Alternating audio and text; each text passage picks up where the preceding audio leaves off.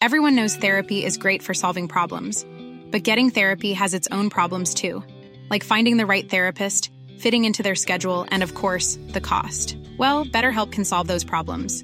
It's totally online and built around your schedule. It's surprisingly affordable too. Connect with a credentialed therapist by phone, video, or online chat, all from the comfort of your home. Visit betterhelp.com to learn more and save 10% on your first month. That's BetterHelp H E L P. Hey, it's Ryan Reynolds, and I'm here with Keith, co star of my upcoming film, If, only in theaters, May 17th. Do you want to tell people the big news?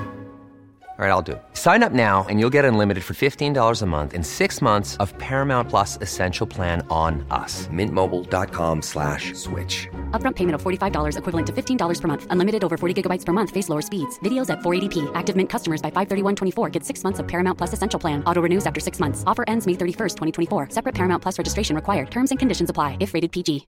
Hi, I'm Daniel, founder of Pretty Litter. Cats and cat owners deserve better than any old-fashioned litter. That's why I teamed up with scientists and veterinarians to create Pretty Litter. Its innovative crystal formula has superior odor control and weighs up to 80% less than clay litter.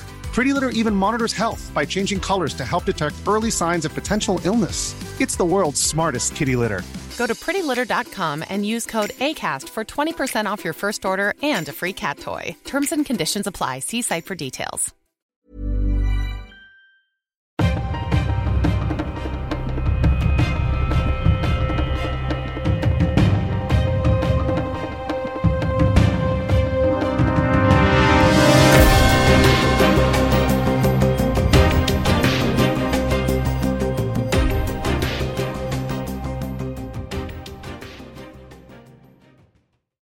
Sådär, då säger vi hej och välkomna till höstterminens första riktiga avsnitt av dagens Juridikpodden. Jag är tillbaka Stefan. Du är tillbaka. Det är fascinerande att det är du som har varit borta. Du som är den mest strävsamma och lojala människan på den här redaktionen höll jag på att säga. Med detta icke sagt att andra inte är det. Men du brukar ju vara strävsam under somrarna och jobba hårt i vart fall. Och nu har du tagit sen semester under den höstperiod som infaller i Sverige. Har du befunnit dig i medelhavstrakterna. Gud ja, och som jag har njutit. Sen fick jag komma tillbaka till ett ganska härligt eh, sensommarväder, så kallad indiansommar. Eh, var det faktiskt när jag landade på Arlanda. 22 grader varmt, eh, soldis eh, och jag kunde njuta av en underbar helg i ett eh, sensommarvackert Stockholm innan jag på måndagen klev in här på redaktionen. Och eh, nu är jag laddad inför hösten. Hur känner du? Jo, jag är ju den här lite tråkiga höst... Eh, jag ska säga. Jag är inte den där som, som, som vill att det ska vara sommar jämt. Utan jag tycker att det är rätt skönt när den här hösten har kommit. Lite tråkigt kanske att säga så. Men allting är sin tid och jag är glad att vi har fyra sommartider, sommartider årstider heter det i Sverige.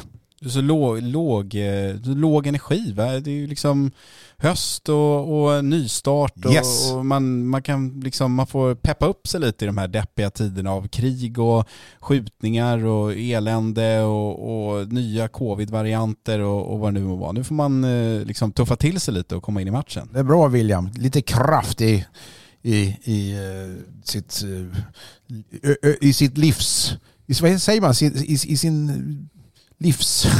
Nej, jag vet inte vad du pratar om, ja. du går för kurser på kvällarna. Nej, Kör hårt. Bra energi bara. Helt Kör hårt. Jag försöker hitta ord som jag inte kan. Nej, bra. Du, eh, det, det händer ju ganska mycket får man lov att säga. Riksdagen öppnade här i veckan. Den stora nyheten därifrån var väl att om vi ska prata Dagens Juridikpodden, eh, polisen och eh, nuvarande liberala riksdagsledamoten Martin Melin bröt mot eh, klädkoden och bar eh, gympaskor. Herman Lindqvist var upprörd inte minst.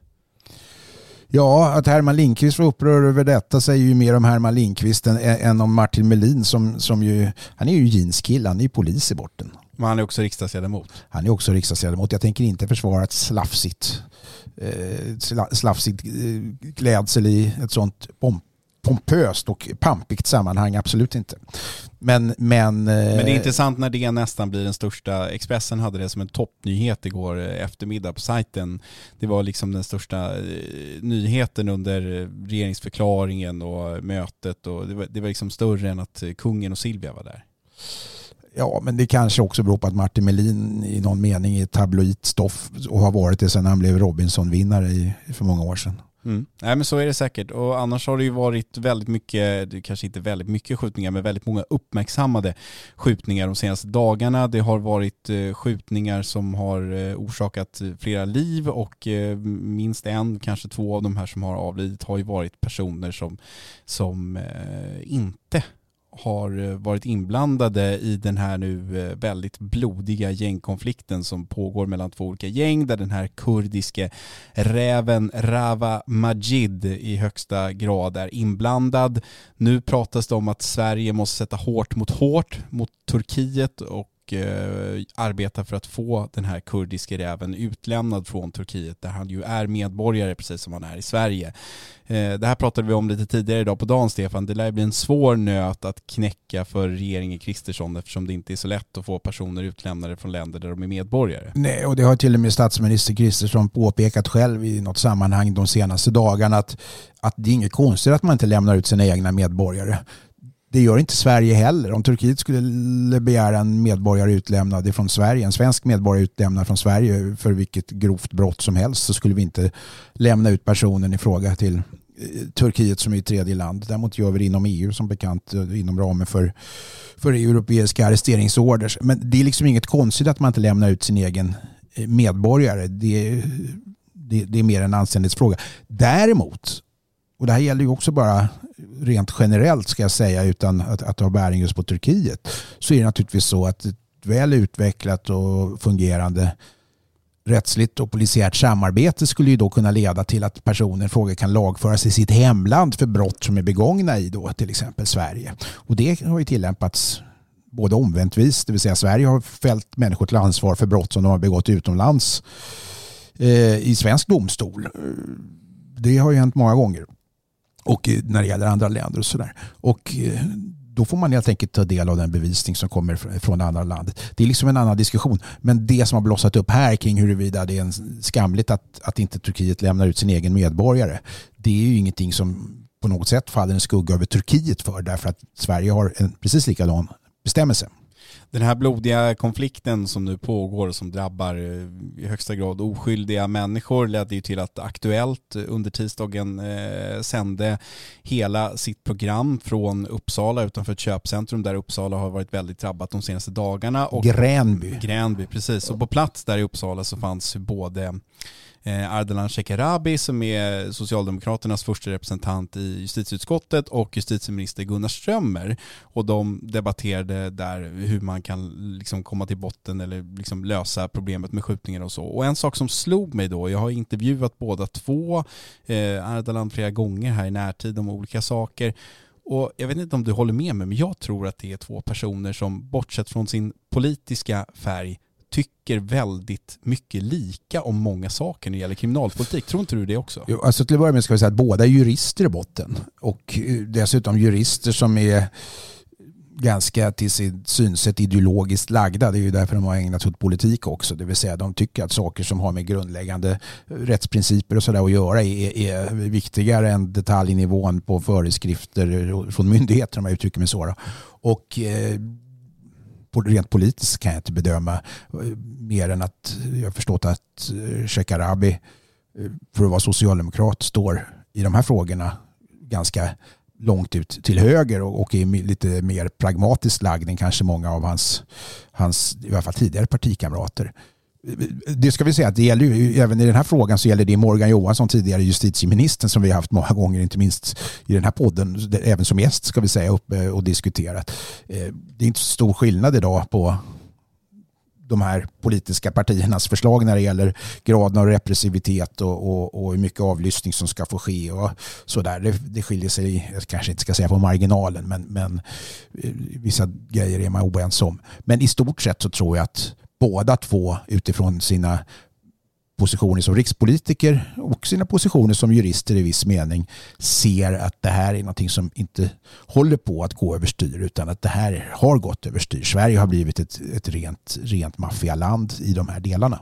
För det de diskuterade igår och, och därför liksom anledningen till att jag fick den här känslan det är att liksom, det är ingen som säger emot den andra. Ardalan Shekarabi har liksom inget emot att eh, Moderaterna lägger fram förslag på skärpta straff och hänvisar till att Socialdemokraterna under den senaste mandatperioden här skärpte, eh, gjorde liksom 80 straffskärpningar eller vad han sa och de liksom har en ganska sansad ton. Det de snarare diskuterar är ju liksom formerna för hur man ska agera. Det handlar liksom inte så mycket om att bjäbba om olika reformer och övervakning och straffskärpningar och så. Och, och det känns som att det kan ju oavsett vad man tycker i, liksom i sakfrågor och så, vara ganska bra om vi nu har ett hyfsat enat justitieutskott. Tror inte det, Sten? Ja, och det kan det säkert ha. Sen kan man ju diskutera, eh, det här, och det gjorde man även i, i den här Aktuellt-sändningen. Innan de här två herrarna släpptes in så hade man ju en, en diskussion kring mer ska säga, socialpolitiska delar, bland annat med en, en för detta grovt kriminell person som ju var där och diskuterade det här och även socialchefen i, tror jag, Uppsala kommun. Eh, som pratade om de här sakerna. Och en samsyn i justitieutskottet, ja det är väl bra med politisk samsyn men det får inte innebära att man inte ifrågasätter till, alltså tänkta åtgärder och i det här fallet så kan man ju säga så här att det är inte alltid av godo att ha en extremt eh, repressiv riktning i ett land när det gäller kriminalpolitiken som inte ifrågasätts. Nej, men nu tror jag att vi har representanter från både Vänsterpartiet, Miljöpartiet och i viss mån även Centerpartiet tidigare. Nu vet jag knappt vem som är deras rättspolitiska talesperson längre, men som alltid och väldigt ofta motionerar mot eh, ökad övervakning, skärpta straff och så. Så det är klart att inte alla partier tycker lika, men ibland tror jag, när, när vi nu är i ett så pass extremt läge om jag får uttrycka mig så, att det kan vara bra att man ändå är eniga om vilka åtgärder man ska vidta, de stora åtgärderna. Så är det säkert. Och det, det, det som man möjligtvis, om man ska förhålla sig då lite kritiskt till detta, kan, kan sätta fingret på, det är ju att man i, närmast i den här stora konstellationen eller i, i, i den här blocköverskridande uppfattningen som råder just nu kan se en, en ganska stark presumtion för att det är hårdare tag som är den enda vägen framåt. Och så brukar man då lite pliktskyldigast slänga in att eh, de här mer förebyggande åtgärderna som ska börja redan på dagis eller som det nu heter för tiden, nu för tiden förskolan eh, också naturligtvis är viktiga men att vi här och nu och i det akuta läget behöver fler lagar, längre fängelsestraff, större möjligheter till avlyssning och så vidare. Och så vidare. Och eh, hur det förhåller sig med det, det kan ju inte ens egentligen våra toppolitiker svara på. Och ska man vara riktigt krass kan man säga att det råder delade meningar även inom forskningen kring hur den här typen av då hårdare tag faktiskt har en inverkan på den här typen av kriminalitet. Var gick det snett? Ja, det är den stora 10 000 kronors frågan i det här sammanhanget. Hur kunde Sverige förvandlas till den här typen av maffialand där man nu till och med har börjat skjuta ihjäl anhöriga till rivaliserande individer inom de här eh, kretsarna och vart ska det ta vägen? Jag föreställer mig att det inte bara kan bli en våldsspiral i, i, i form av hämndaktioner som, som, som tar en ände med förskräckelse i större omfattning än den redan har gjort. Jag föreställer mig också att det kanske till och med är så att det på sikt kan vara hämmande därför att vem vill in i en kriminell spiral där man då riskerar att få sina, sin syster eller sin bror eller sin mamma eller sin pappa ihjälskjuten för att man själv ägnar sig åt kriminell verksamhet. Så att säga. Det, det, det, har gått utanför de här lite röda linjerna som trots allt finns inom även kriminaliteten. Och som man i vart fall inom den traditionella maffiakriminaliteten också hade. Det har ju också runnit över alla gränser då i, i, inom de internationellt sett väldigt blodiga kretsarna. Vi kommer att bjuda in både Ardalan Shekarabi och eh, Gunnar Strömmer till den här podden under hösten i min tanke. Även fler företrädare från justitieutskottet kommer att bjudas in. Jag tycker att det kan vara värt att höra vad de här politikerna har att säga i den tiden vi lever i nu. Låt oss gå vidare Stefan och prata om ett aktuellt rättsfall som jag har skrivit om den här veckan. Det handlar om en man som eh, döms för hot mot tjänsteman efter att Eh, kriminalvårdare hittat en lapp i hans häktescell där han skrivit att han skulle slakta åklagaren som en gris och på ett beslut om restriktioner ritat ett hårkors, alltså en form av kikarsikte över åklagarens namn. På redaktionen har den här domen diskuterats flitigt de senaste dagarna. Det har eh, från vissa håll höjts röster om att eh, det känns konstigt att det här eh, är, eller betraktas som, bedöms vara hot mot tjänsteman. Och det väcker ju en hel del frågor här Stefan. Om jag då till exempel, du var ju min chef tidigare, om jag hade suttit här under ett telefonsamtal eller något annat, i något möte och med mitt kollegieblock som jag ibland har med mig och liksom skriv, ritat en gris och, och, och liksom skrivit Stefan på den och, och sen någonting om att jag skulle slakta dig eller sådär. Hade det varit ett olaga hot om någon städare eller någon kollega till oss hade hittat det på mitt skrivbord eller i papperskorgen sen? Alltså en förutsättning för att brottet ska vara fullbordat som olaga hot och det gäller även hot mot tjänsteman det är ju att det kommer till då målsägandens kännedom detta. Och inte bara att det gör det utan också att det har funnits ett, ett, ett, ett uppsåt och inte bara ett, vilket uppsåt som helst utan det krävs faktiskt ett avsiktsuppsåt, alltså det som tidigare kallades för direkt uppsåt. Eh, och det är det som jag tycker möjligtvis kan vara eh, diskutabelt i, i det här målet. Eh, att både tingsrätten och hovrätten anser att det är uppenbart att, eh, man skriver ju det, att, att han måste ha förstått att ett papper med ett sånt här innehåll som ligger helt öppet på ett bord i häktet så att säga, att det, att det, att det skulle kunna komma hamna hos den här åklagaren eller komma till hennes kännedom. Och eh, bara för att man sitter på ett häkte som kan vara föremål för visitation och, och kontroll så är jag inte säker på att han faktiskt har, jag är inte säker på att han faktiskt har ett avsiktsuppsåt eller något uppsåt överhuvudtaget till att utföra det här brottet. Och där kan jag möjligtvis tycka att de här domarna inte är, är, är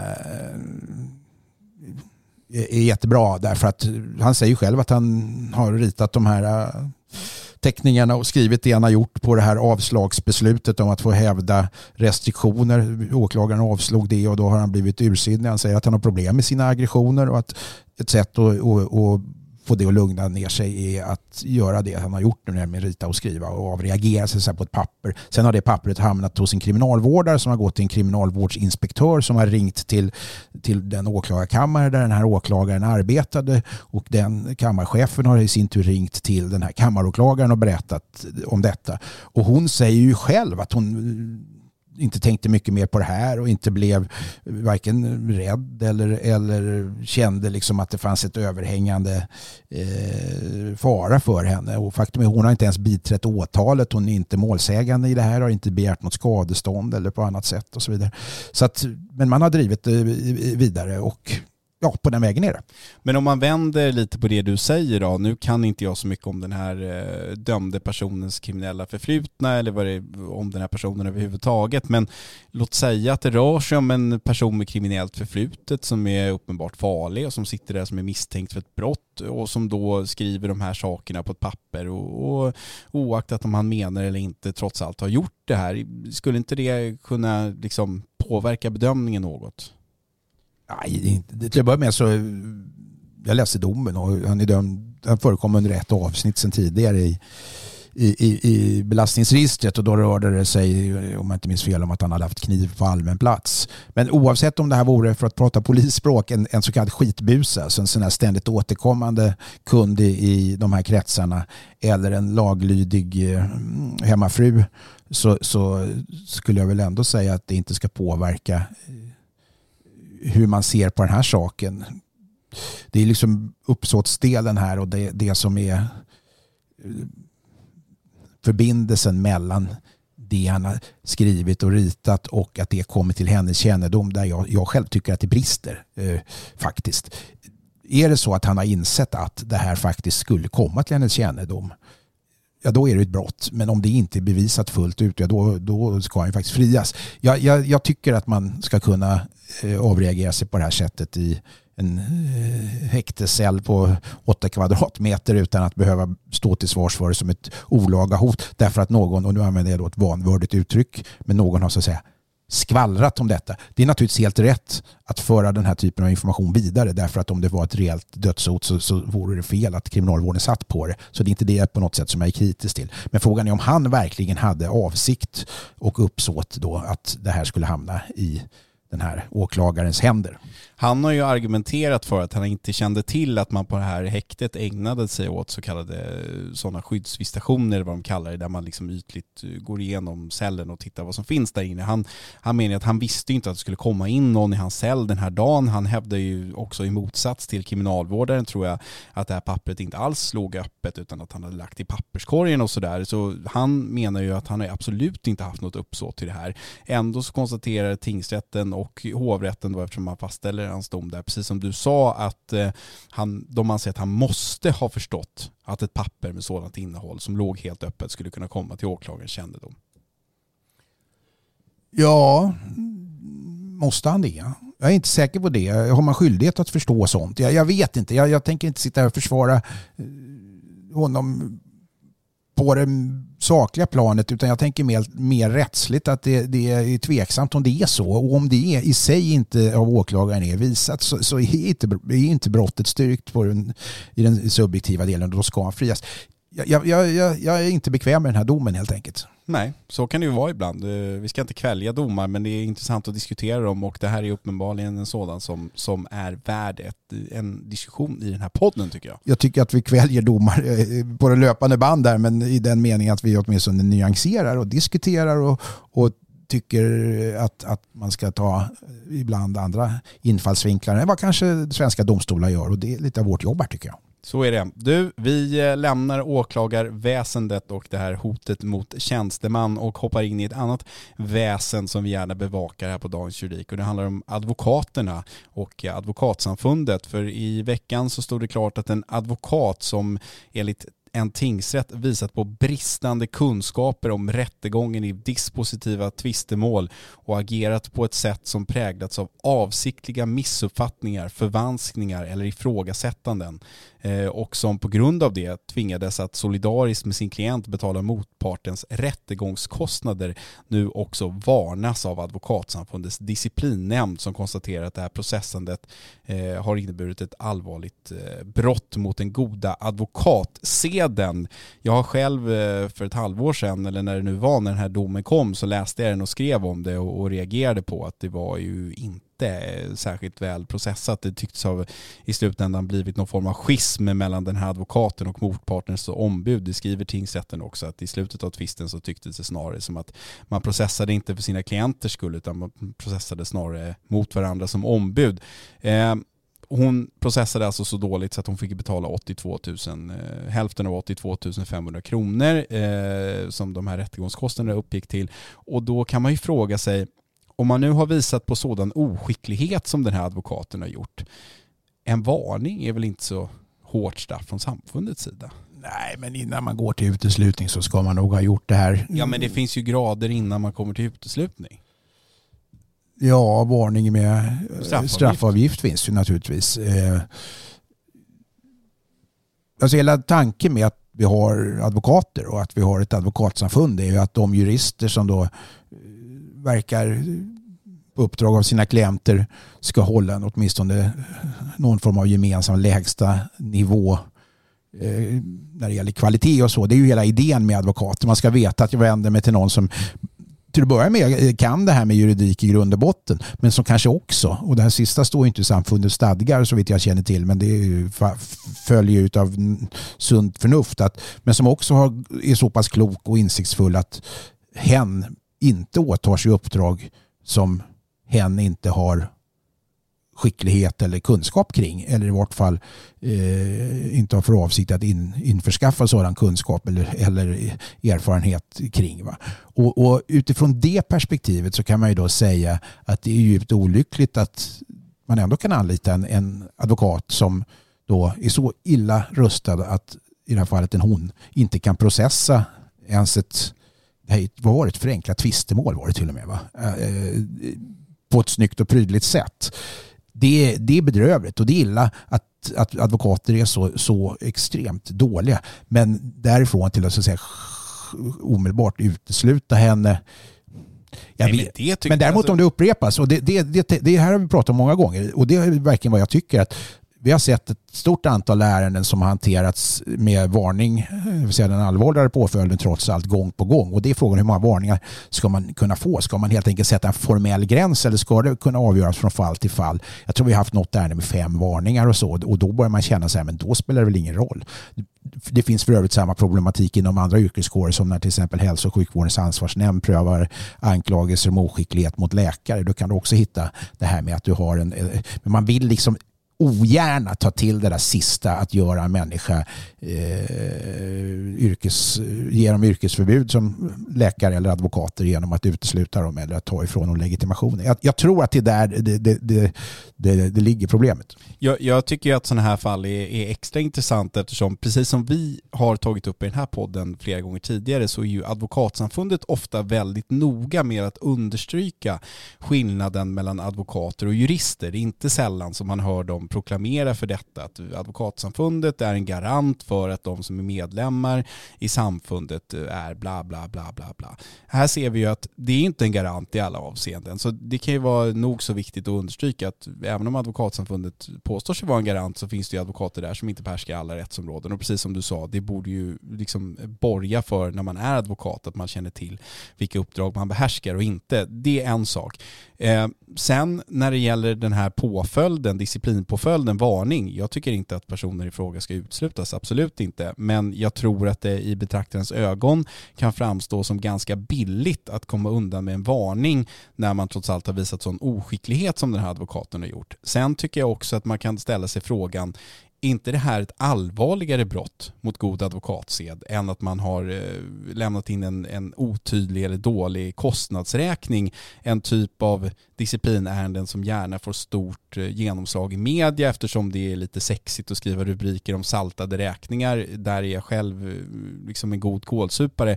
Men det här är ju liksom allvarligt eftersom jag menar, det här är en advokat som trots allt företräder en klient och, och gör det på ett ganska dåligt sätt. Det är ju betydligt allvarligare. Det drabbar inte klienten om en advokat saltar en räkning så att säga.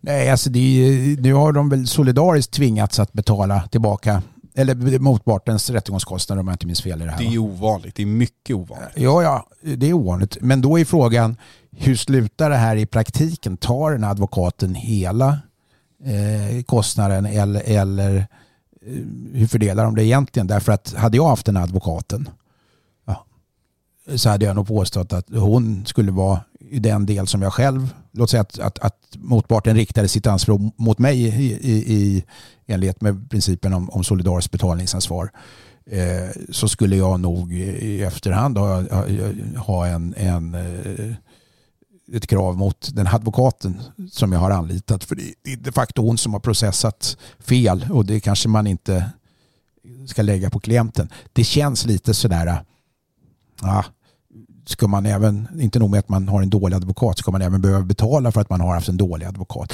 Undrar om hon själv har uppburit arvode från sin klient för det urusla arbete som hon har utfört dessutom. Det vet jag ingenting om och jag tycker att det för transparensens skull är värt att säga att den här advokaten i ett yttrande till disciplinnämnden eh, medger att hon med facit i hand eh, lämnat in allt för omfattande svulstiga skrivelser i förhållande till målets beskaffenhet men att hon nu framhåller att de bör ses mot bakgrund av motpartens processföring och att skrivelserna tagna ur sitt sammanhang ger en missvisande bild. Hon medger i yttrandet att hon är ovan vid den aktuella måltypen och säger att hon bestämt sig för att aldrig mer åta sig uppdrag av detta slag. Så att det, hon lovar ju här nu att den här typen av mål ska hon inte mer ägna sig åt. Och, och bra är väl det. Jag menar man eh, kan ju begå misstag och ta på sig för stora uppgifter. Men jag tycker bara att det, det som är intressant att diskutera här är just här. Vi ger gärna stort utrymme åt eh, de här eh, disciplinärendena när, när så att säga någon har tagit mycket betalt eller när det handlar om eventuella restriktionsbrott eller vad det nu kan vara som har varit uppe mycket på tapeten.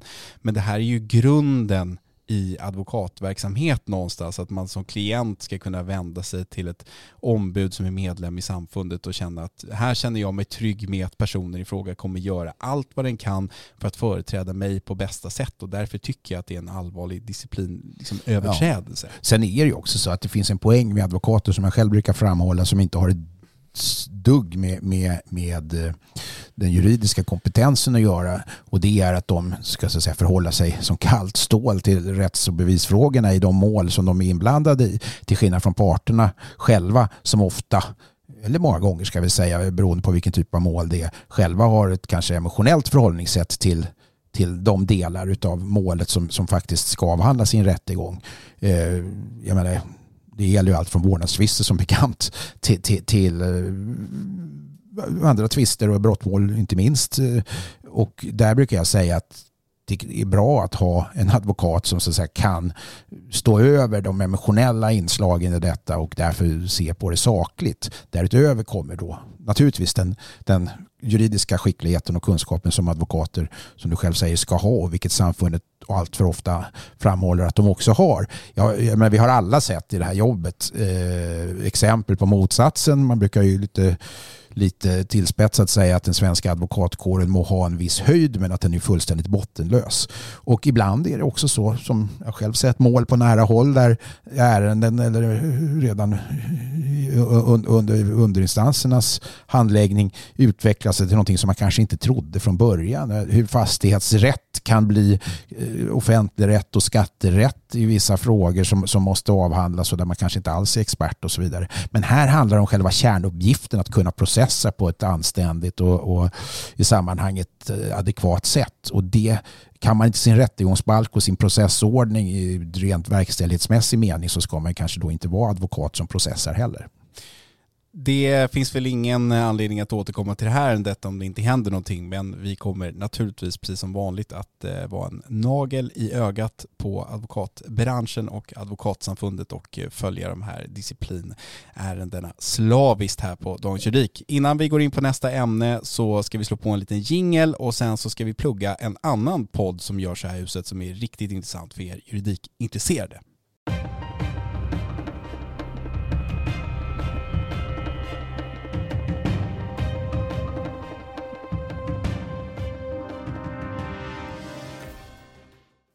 Ja, för vår eh, syster eh, Eh, redaktion. Blend of Lexnova gör ju varje vecka en podd som heter Rättsfallet inifrån. Chefredaktören Mikael Kindbom intervjuar en gång i veckan. Ett ombud är det oftast, men det kan också vara andra parter i eh, något uppmärksammat mål som de har skrivit om.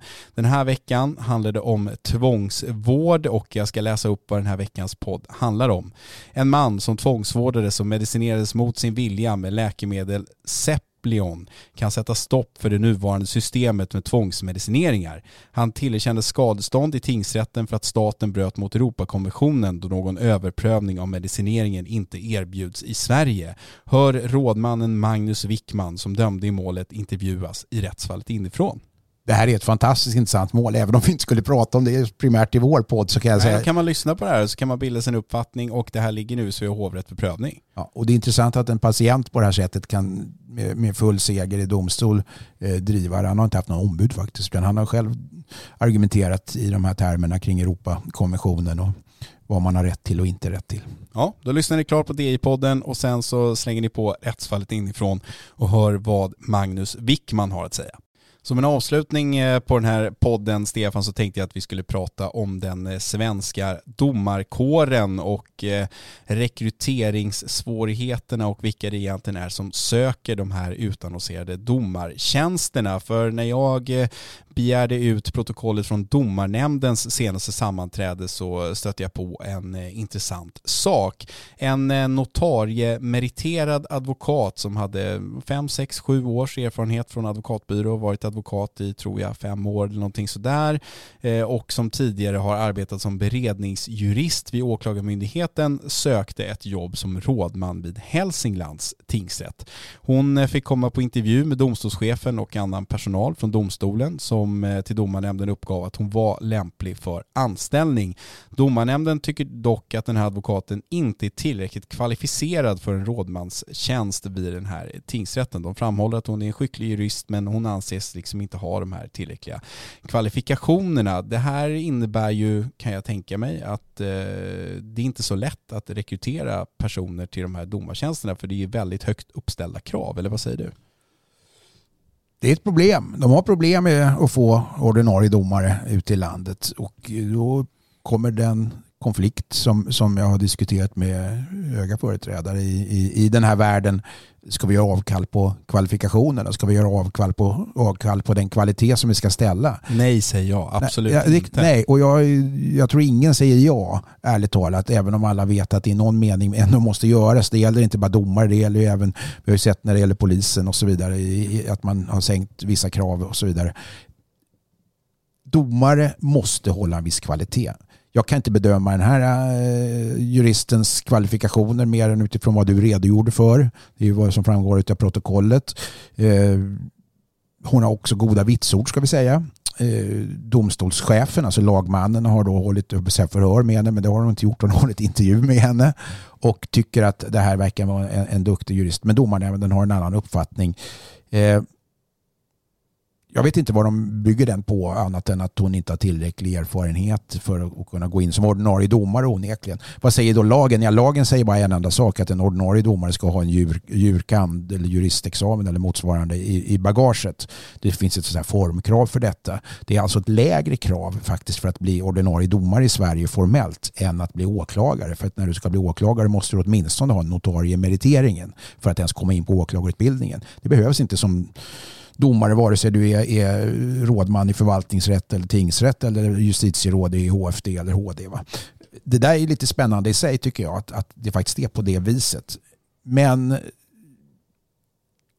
i det här specifika fallet så kan man inte säga mycket mer än det vi har sagt. Men rent generellt sett så tror jag att, att det är viktigt att vi håller den här nivån eh, eh, som, som ja, den här nivån, att man håller en, en, en nivå på de som släpps in och som inte har gått igenom den här domarbanan så att de åtminstone har en assessorsgrad eh, i botten än en gång, jag kan inte svara på det här fallet om, om hon var tillräckligt meriterad eller inte. Utan jag bara noterar att det är på det här viset.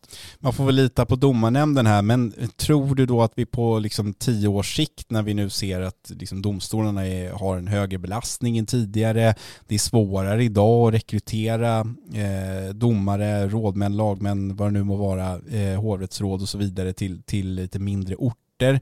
Kommer eh, domarnämnden att behöva sänka kraven för att fylla upp de platserna som, alltså Domstolsverket och domstolarna får inte bli en flaskhals för rättskedjan så att säga. Nej, alltså tittar man på det idag så domare har inte dåligt betalt, ordinarie domare. Men enligt min uppfattning, ja, men vi har ett tusental, i land, ett tusental ordinarie domare i Sverige. Va? Och eh, enligt min uppfattning så är det ett sånt viktigt arbete att man inte bara ska kunna ställa väldigt höga krav på deras person och deras eh, yrkesskicklighet utan också emot, i andra änden så att säga höja deras löner ännu mer. Alltså, jag tycker att det är en anständighetsfråga. Om vi vill ha de bästa juristerna som är skickade för att vara domare så tror jag också vi får betala för det. Och jag tror att de här tusen människorna med fördel, nu låter det som jag vore någon facklig företrädare här, men jag tror att det är mer en principiell sak att med fördel så skulle man kunna göra avsevärda lönehöjningar för att göra domaryrket mer attraktivt och för att då inte stora advokatbyråer och andra, eh, andra arbetsgivare, tänkbara arbetsgivare, så att säga, Eh, kunna vara utslagsgivande genom sina, sina löner. Eh, utan det ska kännas mer naturligt. Om man på sikt höjer de här lönerna, och då pratar jag inte på marginalen, utan jag pratar rejäla höjningar. Kanske inte fördubblingar, men, men, men rejäla höjningar. Så att man i branschen känner sig att det, där är, det där är ett bra alternativ. Det är inte bara ett bra alternativ, utan det är, det är också ett, ett, ett, ett så bra alternativ så att det är självklart för mig att vilja bli domare. Så tror jag att man ska tänka. Och det kanske är betydligt lättare, eller det är väl så uppenbarligen, att rekrytera domare till de stora städerna, Stockholm, Malmö, Göteborg, Uppsala, vad det nu må vara, även högre upp, Umeå, och Sundsvall och sådär. Men när det gäller mindre orter, den här advokaten hade ibland annat sökt då rådmanstjänsten på Hälsinglands tingsrätt, då, då kanske man måste jobba med med andra parametrar om man ska få människor att börja arbeta vid den typen av tingsrätter. Det kanske är högre löner, det kanske är andra förmåner, men, men jag tror att Domstolsverket och, och domstolarna har ett arbete att göra här verkligen för att göra domartjänsterna ännu mer attraktiva. Jag tycker ofta när man pratar med domare så är det många som beskriver det som det bästa yrket man kan ha inom juridiken, att man får utsätts för många olika typer av juridik, att man får liksom använda sin juridiska hjärna till att tänka, att man får vara med där det händer i processen och så vidare. Jag själv hade ju tyckt att om, om jag var utbildad jurist att det hade varit ett otroligt eh, spännande och stimulerande yrke samtidigt som det pratas från vissa håll om ordningsstörningar i domstolar och det har pratats om ett eh, hårdare klimat mellan ombud och, och tilltalade och, och, domstolen och så vidare. Så jag, jag, tror att Domstolsverket har ett digert arbete att göra här faktiskt. Men så att vara domare förpliktigar i grund och botten. Alltså det ska man ha klart för sig. Att få sätta sig till doms över andra. Att någon ska få besluta om huruvida du ska sitta i fängelse på livstid eller inte utifrån bevisning som samma person bedömer om du nekar till brott och så vidare. Det är ett otroligt stort, alltså ett otroligt stort eh, ansvar som inte bara är ett ansvar utan det kräver också att du har en personlighet så att du kan sova gott om nätterna. Vilket, ska vi väl säga, om en undantagsvis är någonting vi ibland diskuterar här på redaktionen. Jag brukar till och med använda det uttrycket när jag läser konstiga domar. Så brukar jag säga så jag förstår inte hur den här domaren kan sova gott på natten. Eh, när hen har, har då, oftast handlar det om fällande domar naturligtvis, eller konstiga tolkningar i, i, i eh, tvistemål till någon institutionell parts förmån och någon stackare som har, vad det nu må handla om. Det här är viktiga grejer. Alltså den här juridiska skickligheten är ju naturligtvis eh, över den, är ju, den kan inte överdrivas hur viktig den är. Men personligheten och de här förmågan att som domare kunna förhålla sig till till eh, sitt yrke som den här eh, upphöjda, inte Gud fader, men närmast i, i den världsliga meningen som man faktiskt är som domare. Du sitter där på podiet och ska eh, oväldigt slita en tvist eller bedöma ett brottmål och så vidare. Och den här typen av personlighetsdrag som är svåra att sätta ord på, det, det är svårt att sätta ord på dem. Det är där kan man tro kanske att många av domarnämndens underkännanden av ansökningar baserar sig på det. Men i det här fallet så verkar det ju som om, än en gång, hon har goda vitsord och hon har från den här lagmannen fått eh, någonting som är väldigt positivt och Medan man, det vet jag i en del andra sådana här ärenden där man har ansett att det är olämpligt är sånt som är svårt att sätta fingret på men som snarare har med kanske mognad personlighet att göra och så vidare. Dock icke i det här fallet då. Jag tänker som en avslutning också att man som domare ju måste vara beredd på att hamna i så att säga skottgluggen, inte bara för Dagens Juridik-poddens granskning men för, för medias granskning eh, och, och liksom krönikor och artiklar och domkväljande och Twitter och sociala medier och så vidare. Jag menar det är bara att titta på den här eh, uppmärksammade domen från hovrätten för västra Sverige eh, som jag nog inte kommer att snippa domen brukade vi kalla den ja, precis. Eh, och hur den eh, det hovrättsrådet där var ute i media under den första veckan och försvarade sin dom och sådär. Då, då gäller det ju att man så att säga våga stå på sig. Man kan generellt sett säga att om du ska sitta som domare, alltså det här är ju så självklart. Eh, det låter självklart men det kanske jo, men för oss som aldrig har gjort det så, så vill man ju inte tänka på hur tufft det kan vara. Tänker jag. Alltså konsekvensneutraliteten måste avse även den egna personen eh, i de här sammanhangen. Du kan ju inte ha domare som fäller till ansvar för brott trots att man då som domare anser att man inte borde göra det men gör det ändå därför att du annars kommer att bli utsatt för en Twitterstorm eller missaktning eller kan jag faktiskt säga även till och med sånt som inte får förekomma givetvis men, men personliga hot som framförs till domstolen. Du kan ju inte döma på ett, på, på, ett visst sätt utifrån det och om man ens kan misstänka att det är så då är vi inte på sluttande plan utan i fritt fall.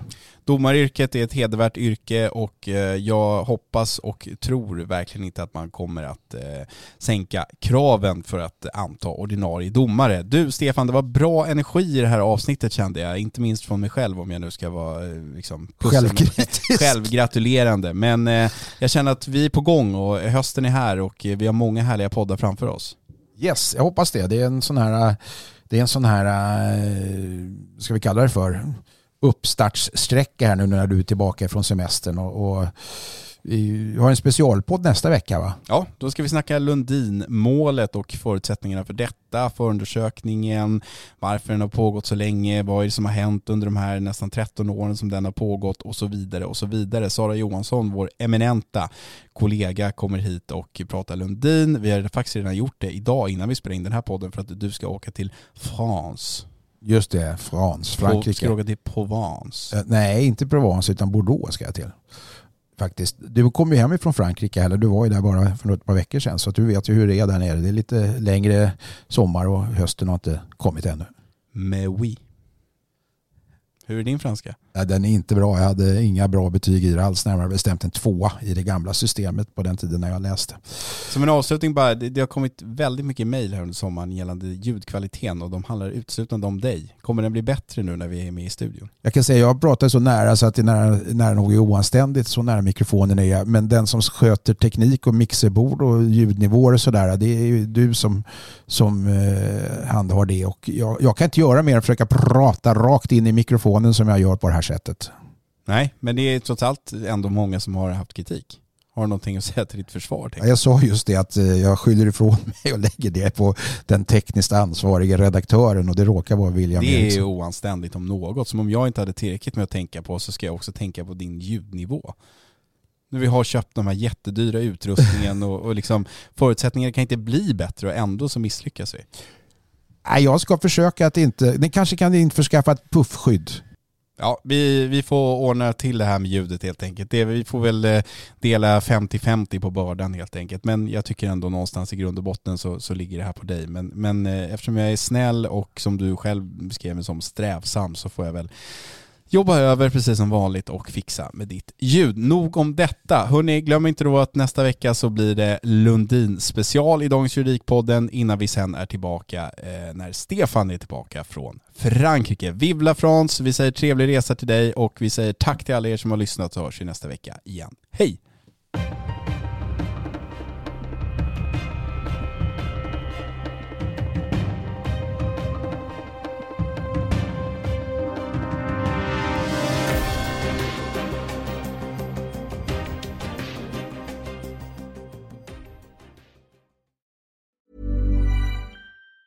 Hi, I'm Daniel, founder of Pretty Litter. Did you know cats tend to hide symptoms of sickness and pain? I learned this the hard way after losing my cat, Gingy. So I created Pretty Litter, a health monitoring litter that helps detect early signs of illness by changing colors, saving you money and potentially your cat's life. Pretty Litter is veterinarian developed, and it's the easiest way to keep tabs on your fur baby's health right at home. Go to prettylitter.com and use code ACAST for 20% off your first order and a free cat toy. Terms and conditions apply. See site for details. Planning for your next trip?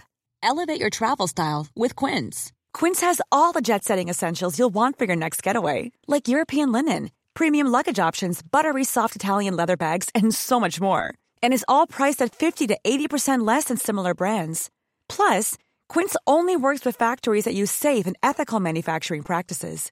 Pack your bags with high-quality essentials you'll be wearing for vacations to come with Quince. Go to quince.com slash pack for free shipping and 365-day returns.